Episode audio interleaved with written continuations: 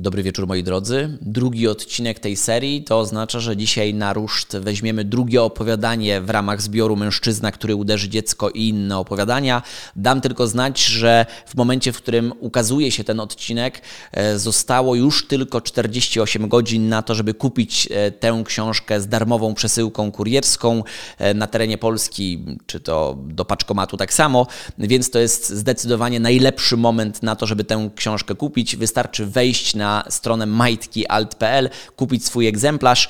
Zachęcam szczerze do tego, e, bo wtedy też łatwiej będzie odbierać całą tę serię, e, którą sobie tutaj wieczorem, już taką późniejszą porą nagrywam. I mam nadzieję, że Wy tak samo odbieracie sobie ten moment, kiedy macie nieco więcej wytchnienia. Takim idealnym scenariuszem jest e, ciepły kocyk, herbatka, być może właśnie książka na kolanach i już podejrzewam, że niektórzy niektóre osoby mogą czytać sobie rozdział, e, a właściwie konkretne opowiadanie, mm, na przykład zaraz po e, przesłuchaniu tego odcinka, albo przed, jak kto woli.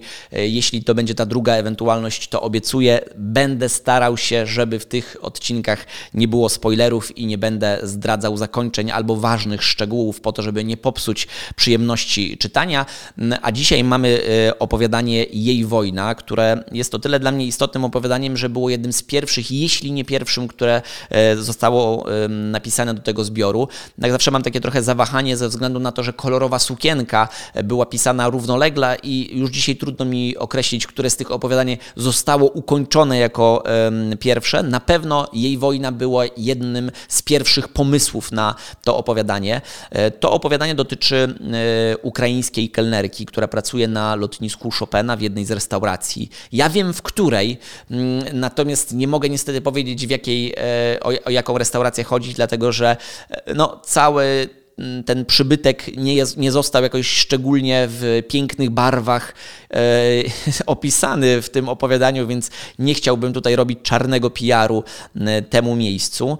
Natomiast e, to opowiadanie miało wyglądać zupełnie inaczej, kiedy zostało w mojej głowie zaprojektowane dlatego że pamiętam bardzo dobrze taką sytuację, że siedziałem z całą moją rodziną w jednej z restauracji na południu Europy.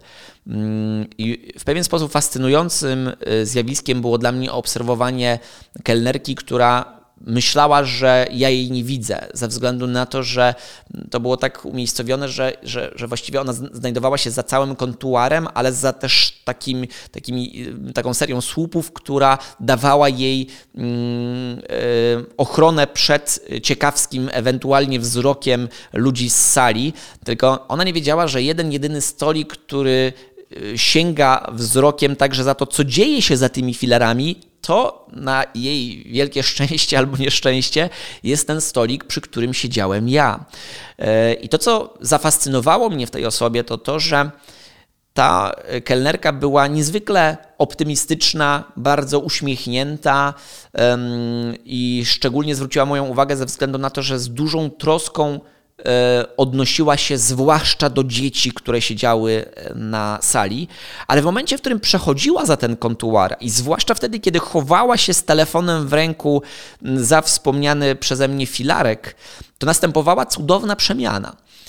I to nie było tak, że ona nagle stawała się jakimś demonem, czy, czy kimś o takim silnie negatywnym nastawieniu, tylko po prostu ten doklejony w pewien sposób uśmiech naturalnie opadał i było widać zupełnie inne cechy. Znudzenie, jakieś trochę zniecierpliwienie, chęć bycia w innym miejscu. I wtedy pomyślałem, że to jest coś, co bardzo czuję od niej, kiedy ona się właśnie znajduje w miejscu, kiedy jej się wydaje, że nikt jej nie widzi.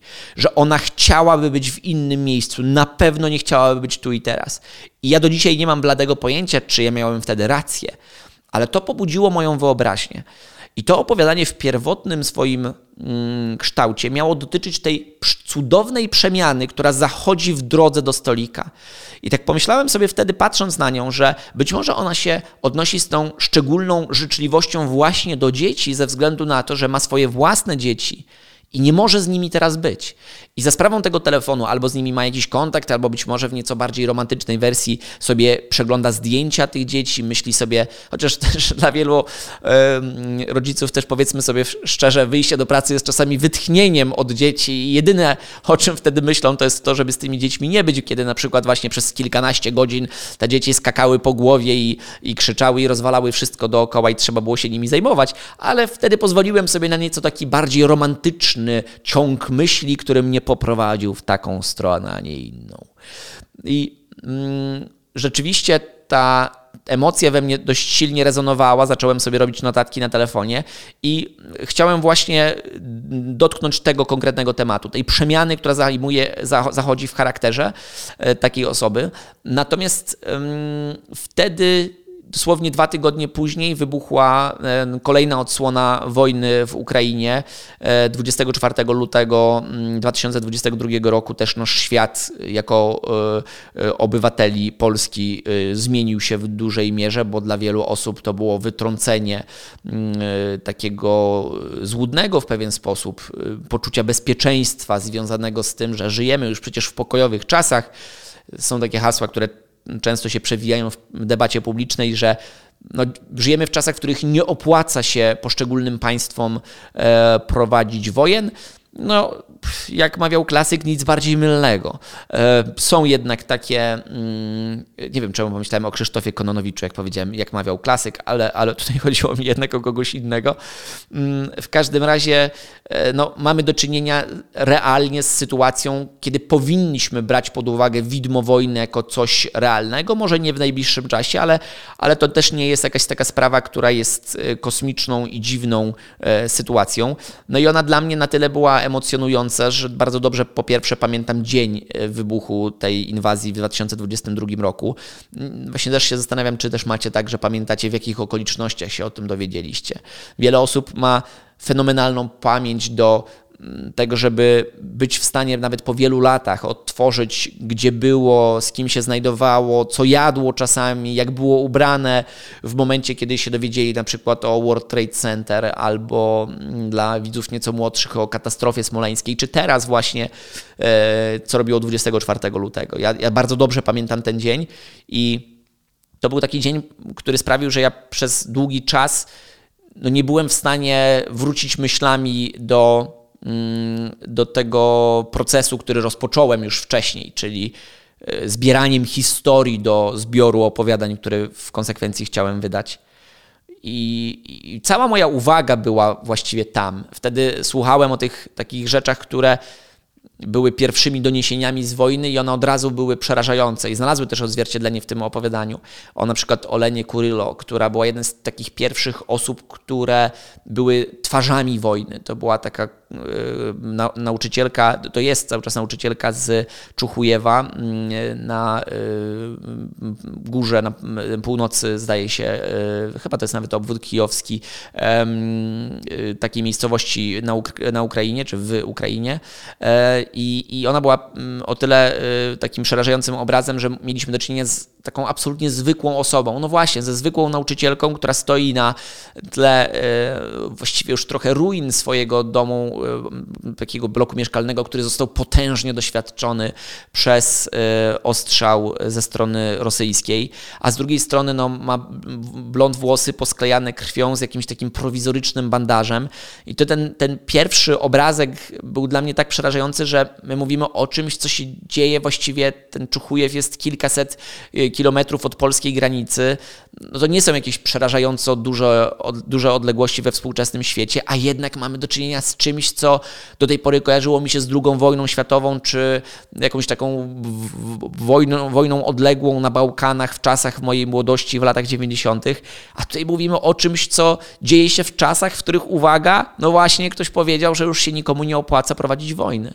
Z drugiej strony od samego początku mieliśmy do czynienia z wieloma historiami, które pokazywały, pokazywały, że życie jest szare, niekoniecznie czarno-białe, że niektórzy się zachowują przyzwoicie, inni zupełnie nieprzyzwoicie, a jeszcze inni są bohaterami, jak Witalij Skakun, który będąc żołnierzem w saperskim oddziale dostał za zadanie wysadzenie mostu w powietrze i chodziło o to, żeby odciąć możliwość jazdy kolumną rosyjskim. No i problem polega na tym, że kiedy już e, te ładunki zostały tam zainstalowane, zawiodło zdalne odpalenie tych ładunków i Witalij zgłosił się na ochotnika, żeby te ładunki odpalić ręcznie, ale to oznacza, że e, sam sobie przypisał misję samobójczą i niestety sprawił, że razem z tym mostem również on wyleciał w powietrze. I kiedy czytałem przez wiele dni te historie właśnie o takim kalibrze, Mm, to trudno było mi wrócić do takiej rzeczywistości, w której sobie spokojnie siadam przed laptopem i, i, i wracam do opowiadania o kelnerce, która mm, y, ma jakąś cudowną przemianę z osoby takiej a, obojętnej do osoby, która z entuzjazmem obsługuje klientów tylko dlatego, że ktoś od niej tego wymaga.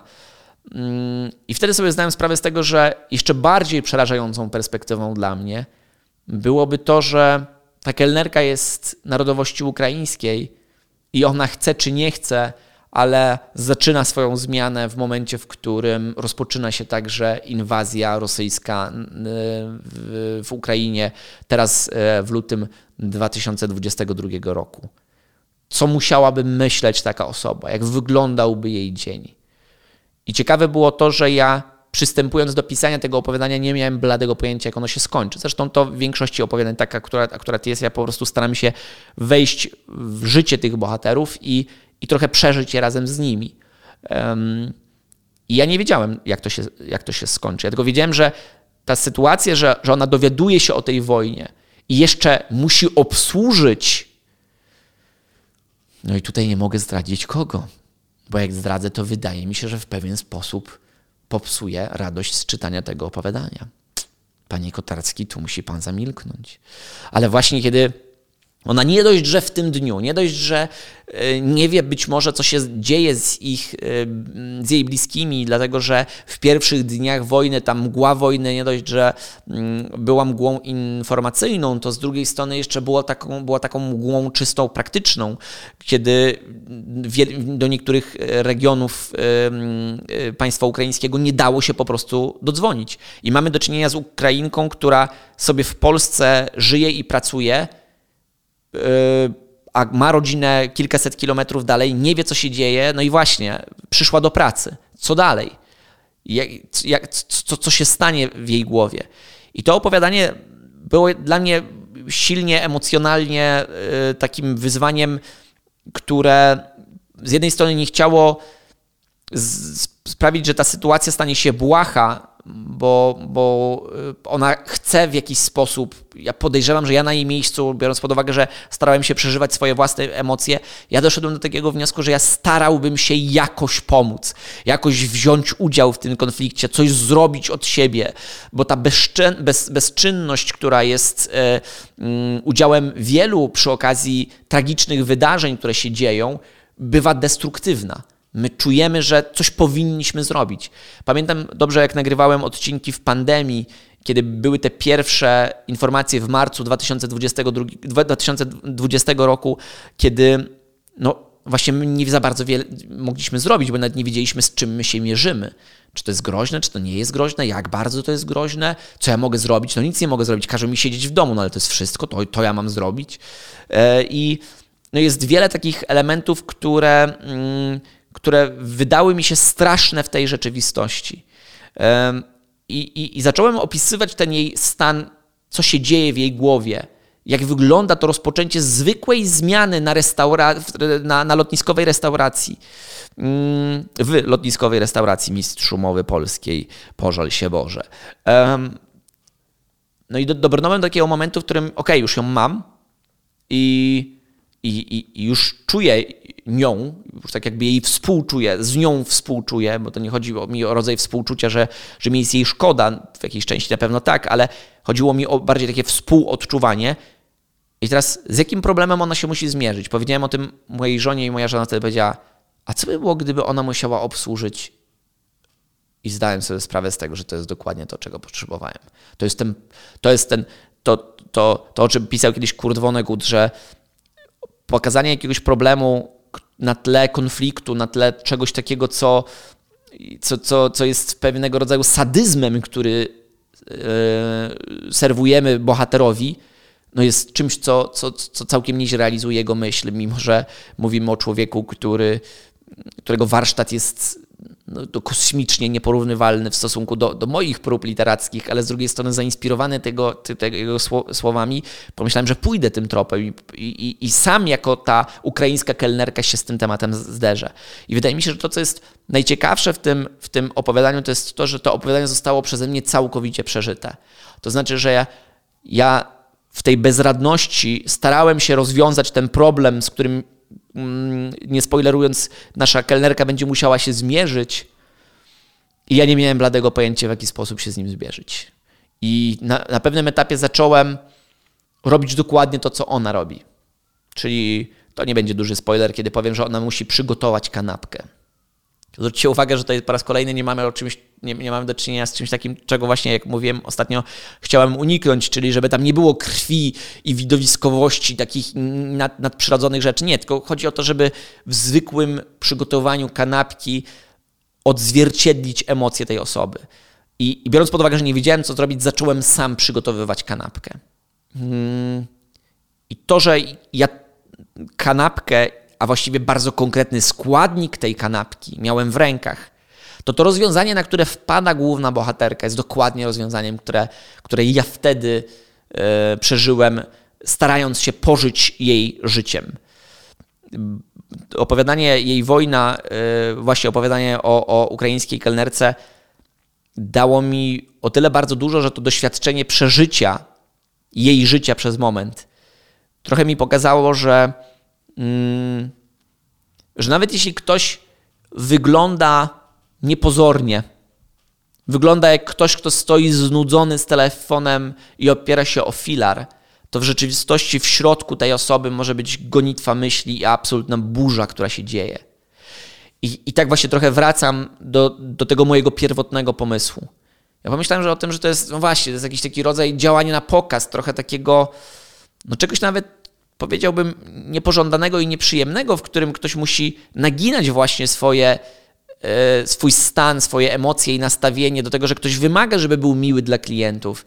I to jest takie granie, takie udawanie. Nie podobało mi się to do końca, mimo wszystko. Ale z drugiej strony, kim jestem ja, żeby oceniać tę osobę z perspektywy jakiegoś takiego gościa, który sobie patrzy i mówi, ale ta kelnerka jest naburmuszona. To mi trochę przypomina taką historię e, usłyszaną Mm, już bardzo dawno temu. Chyba o niej kiedyś wspominałem w podcaście u Karola Paciorka. I ta historia dotyczyła tego, że, że, że mój zaprzyjaźniony majster, pan Leszek, kiedyś mi opowiedział historię: O, panie Radku, spotkałem pana y, kolegę na stacji benzynowej. Myślę, wow, wow, jakiego kolegę? Roberta Makłowicza. No, trudno w tamtym czasie było rzeczywiście nazwać Roberta Makłowicza moim kolegą. Mm, łączyło nas tyle, że e, mieliśmy e, obok siebie program w telewizyjnej dwójce e, już kawał czasu temu. No, Robert Makłowicz miał swoje podróże, a potem były podróże z historią. Lecieliśmy po sobie. No więc pod tym względem był to powiedzmy mój redakcyjny kolega, chociaż nigdy Roberta Makłowicza nie zdarzyło mi się akurat spotkać w siedzibie telewizji polskiej. No ale okej, okay, uznaliśmy, że Robert Makłowicz jest moim kolegą i mój zaprzyjaźniony pan Leszek powiedział, no ale ten pana kolega był takim, takim bucem. Taki jest bucowaty on, prawda? Mm. Hmm. Powiedzieć o Robercie Makłowiczu, że jest bucem, to dużo powiedzieć. Więc zaintrygowało mnie to i zapytałem, panie Leszku, ale, ale dlaczego Robert Makłowicz jest bucowaty? A pan Leszek powiedział, że chodziło o to, że Robert Makłowicz tak stoi, mm, tak stał z dystrybutorem obok, e, przepraszam, obok instrybutora, bo teraz tak się nazywa to, to miejsce, e, i, i trzymał ten pistolet e, z paliwem w ręku i tak smutno go trzymał. Tak jakoś, taką kwaśną minę. Hmm. To była taka rzecz, która dała mi dużo do myślenia i niestety przez parę kolejnych lat Zdarzało mi się tankować e, z bardzo promienistym uśmiechem, który prawdopodobnie wyglądał e, jeszcze bardziej przerażająco niż to, żebym na przykład tankował ze skwaszoną miną albo zwykłą miną. Ale, ale, ale, ale właśnie w dużej mierze tak tym opowiadaniem sam się skarciłem, że pomyślałem, że to nie jest sprawiedliwe tak myśleć o kimś. Ja nie wiem, co się dzieje w życiu tej kelnerki w tym przypadku. Może ona naprawdę przeżywa coś, coś niesamowicie mocnego. Może ten smutny Robert Makłowicz na stacji też myślał o czymś, co nie jest do końca przyjemne. I, i, i wyciąganie z tego wniosków dotyczących kształtu jego osobowości i tego, jakim on jest człowiekiem, być może nie jest do końca sprawiedliwym czymś, co powinniśmy robić. Chyba po to napisałem to opowiadanie.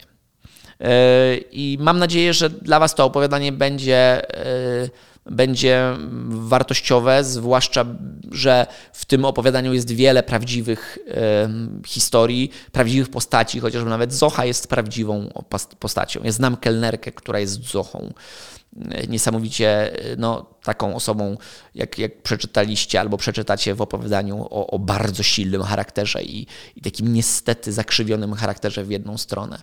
Mm, a z drugiej strony to opowiadanie też właśnie zawiera parę historii e, związanych z rozpoczęciem wojny, z tym, jak, jak, jak trudny to był czas dla wielu z nas. Więc e, dajcie znać proszę w komentarzach, co myślicie o tym konkretnym opowiadaniu, o tych wydarzeniach. Przypominam, że książkę cały czas można kupić na majtkialt.pl, cały czas z darmową przesyłką kurierską na terenie Polski, czy też do paczkomatu, więc to jest dobry moment na to, żeby po tę książkę e, sięgnąć. No i mam nadzieję, że widzimy się w kolejnym odcinku. To będzie odcinek wyjątkowy ze względu na to, że zaproszę do niego gościa. Ten gość jest moim autorem i absolutnym e, odkryciem 2022 roku dla wielu osób. Myślę, że, e, że jego udział będzie tutaj przyjemny i ciekawy. To już całkiem niedługo. Bardzo dziękuję. Do usłyszenia. To była ogromna przyjemność móc do Was mówić.